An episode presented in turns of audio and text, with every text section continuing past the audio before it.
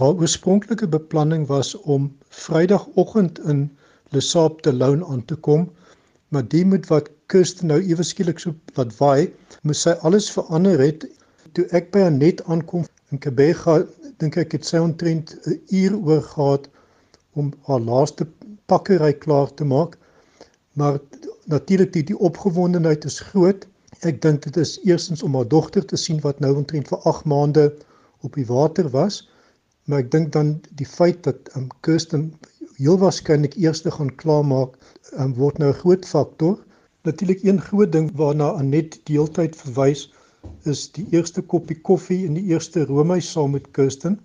Dit was algemeen bekend in Lesap te Loun dat Kirsten en ook Jeremy albei van hulle groot voorliefde vir lekker roomhuis en ons het een middag toe ons van die seiljag af wegstap op pad huis toe toe toe sê Jeremy vir Kirsten ek dink ons moet 'n reëling maak. Die eerste een wat klaar maak van ons twee sal vir die ander ene in die hawe staan en wag met 'n lekker roomhuis en Kirsten het sonder om 'n sekonde te wag het sy dadelik vir Jeremy gesê en Jeremy wat is jou gunsteling gee roomhuis so ek dink sy toe al definitief probeer wys dat sy vir Jeremy gaan klop in die wetvaart. Frans Loots van St Francis Bay en spanbestuurder van Jeremy Backshaw, ook 'n Suid-Afrikaner wat deel is van die Golden Globe seil wetvaart om die wêreld en Kirsten Nieuwschaffer van Kabega, die Bay, is op die oomblik die voorloper. Maar presies wat maak Kirsten behalwe dat sy die voorloper is? Wat maak haar prestasie so uniek? Ek dink wat Kirsten se vaart spesiaal maak is eerstens die feit dat Kirsten is 'n plat op die aarde vrou van Port Elizabeth of Kebega. Sy's 'n avonturier en dan sy 'n besondere goeie seiljagvader. Kirsten gaan die eerste Suid-Afrikaner word wat solo of alleen sonder om enige hawe aan te doen met 'n seiljag om die wêreld te seil. Um sy is ook een van die eerste omtrent 15 vrouens wat hierdie tipe van vaart suksesvol voltooi het. So wat sy vermag het is iets werklik waar besonders en dan die feit dat sy voorloop in die wedvaart en dit heel waarskynlik gaan wen, maak dit nog meer spesiaal. Sy was nou ter see gewees vir omtrent 30000 seemyl. Sy was vir omtrent 235 dae alleen op die water en volgens alle berigte wat ingekom het tot nou toe het sy dit redelik maklik reg gekry. Natuurlik met baie deursettings vermoë maar sy het relatief min probleme met haar boot opgedoen. Sy het besonder goed gevaar. En ek dink dit is die ding wat gaan uitstaan.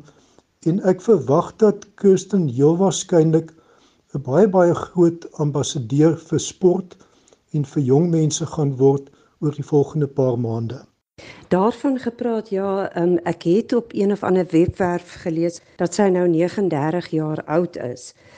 Maar as sy nou eerste in Frankryk aankom, dan beteken dit mos nou half sy is 'n dag voor al die ander deelnemers want eers op die roete het sy mos afgeswaai om 'n deelnemer wat in die nood was eers te gaan red. Kan jy net 'n bietjie meer daarvan vertel?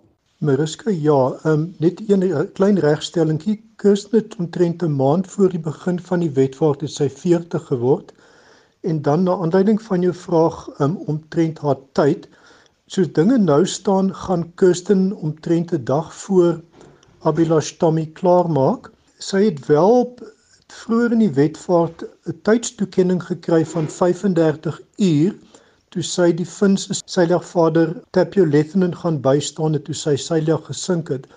Nou op daardie stadium het Abilash Tommy ook na Tapio Lethinen toe geseil om hom te help te snel en Abilash het 'n tydstoekenning van 12 uur gekry.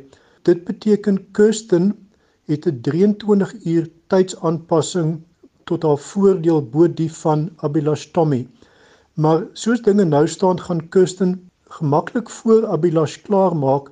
So die die tydsvergunning wat sy gaan kry gaan 23 uur werd wees en sy gaan dit ek wil amper so stel sy gaan dit nie eers nodig hê nie want sy gaan in elk geval vir Tabilash oor die wenstreep klop. Frans Loots van St Francis Bay Ons gesprek is nou hier op die Dinsdag en die voorspelling is dat sy al Vrydag gaan aankom. Dis dit dat haar ma nou ook Dinsdagoggend haastig vertrek het na Frankryk waar sy eers later sou gegaan het, haar ma Anet.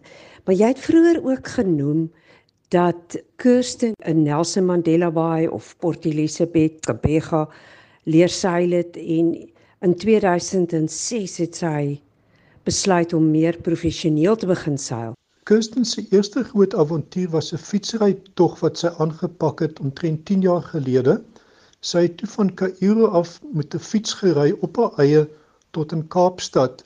Sy was reeds vanaf skooldae af betrokke in seiljagvaart en sy het begin met haar diepsee seiljagvaarte deur seiljagte af te lewe of van Suid-Afrika af Europa toe of van Europa af terug Suid-Afrika toe. Maar waar sy veral bekend geword het, was sy was die skipper van 'n seiljag wat in Patagonië gebaseer was wat behoort het aan die avonturier van Amerika naam van Skip Nowak en sy het die taak gehad om een van sy seiljagte te skipper en ek dink sy het dit omtrent vir 4 of 5 jaar gedoen en sy het onder andere betalende seiljagvaarders afgeneem aan Antarktika toe na South Georgia toe na Kaap Hoorn toe en deur die die kanale van Patagonië so sy's veral vertroud met wat hulle in Engels noem high latitude seilvaart dit is seilvaart wat plaasvind onder die breedtegraad van 40 grade suid. So verhaamd op die Golden Globe vaart in die suidelike oseaan te seil was eintlik soort van 'n bekende terrein vir haar gewees. Maar wat Kirsten onderskei van die ander ouens in die wetvaart is ek dink sy's verskriklik gefokus,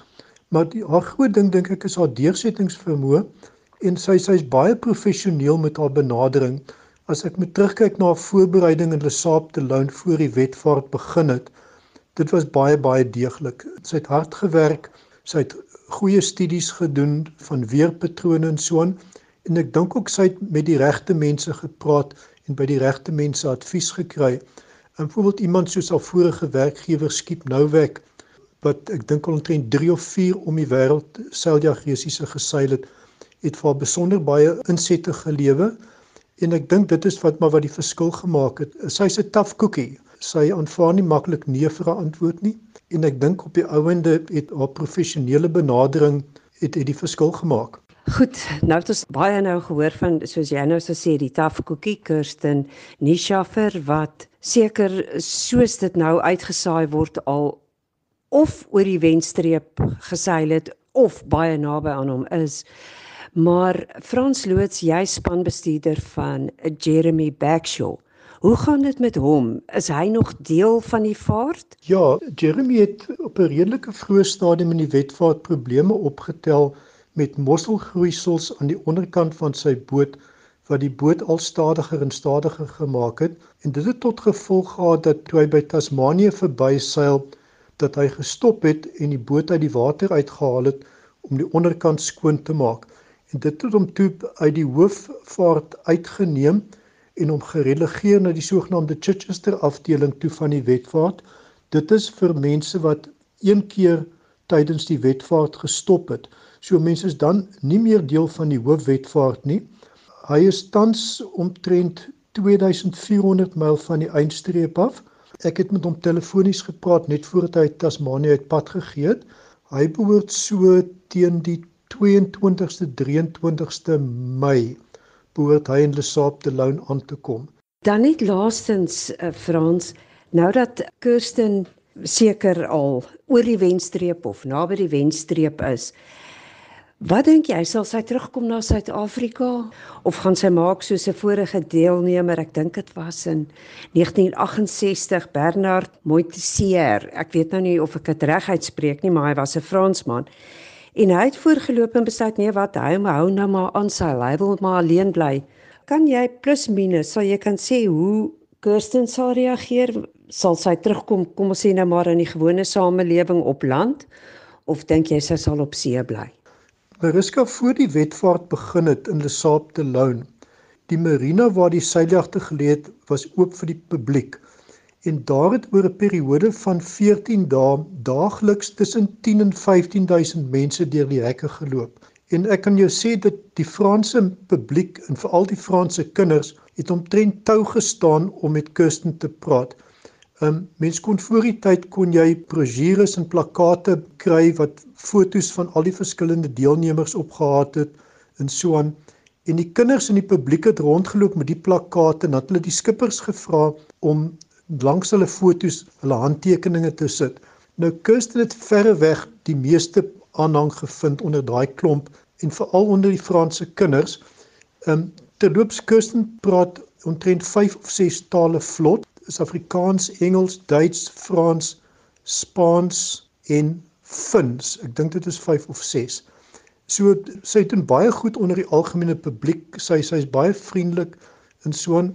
So om dan jou vraag te antwoord, ek ek hoop sy kom spoedig terug Suid-Afrika toe dat die Suid-Afrikaanse publiek met haar kan kennis maak. Ek dink tot nou toe was sy relatief onbekend en daar was nie veel in die media in Suid-Afrika oor Kirsten nie. Maar ek het vroeër vandag 'n oproep gehad van die voorsitter van die Suid-Afrikaanse seilvereniging en hy het dieselfde vraag gevra wanneer kom Kirsten huis toe want ek dink Kirsten kan baie doeltreffend gebruik word as 'n motivering vir kinders om in sport betrokke te raak of hulle aan te moedig om te werk aan hulle doelwitte en so aan. Iets anderste wat uitstaan van Kirsten is sy's 'n verskriklike vriendelike persoon, next level vrou, voete plat op die grond en natuurlik sy het nou ook vir ons gewys dat sy 'n besondere goeie seiligvader en sy het van die wêreld se top alleenvaders in hierdie wetvaart geklop.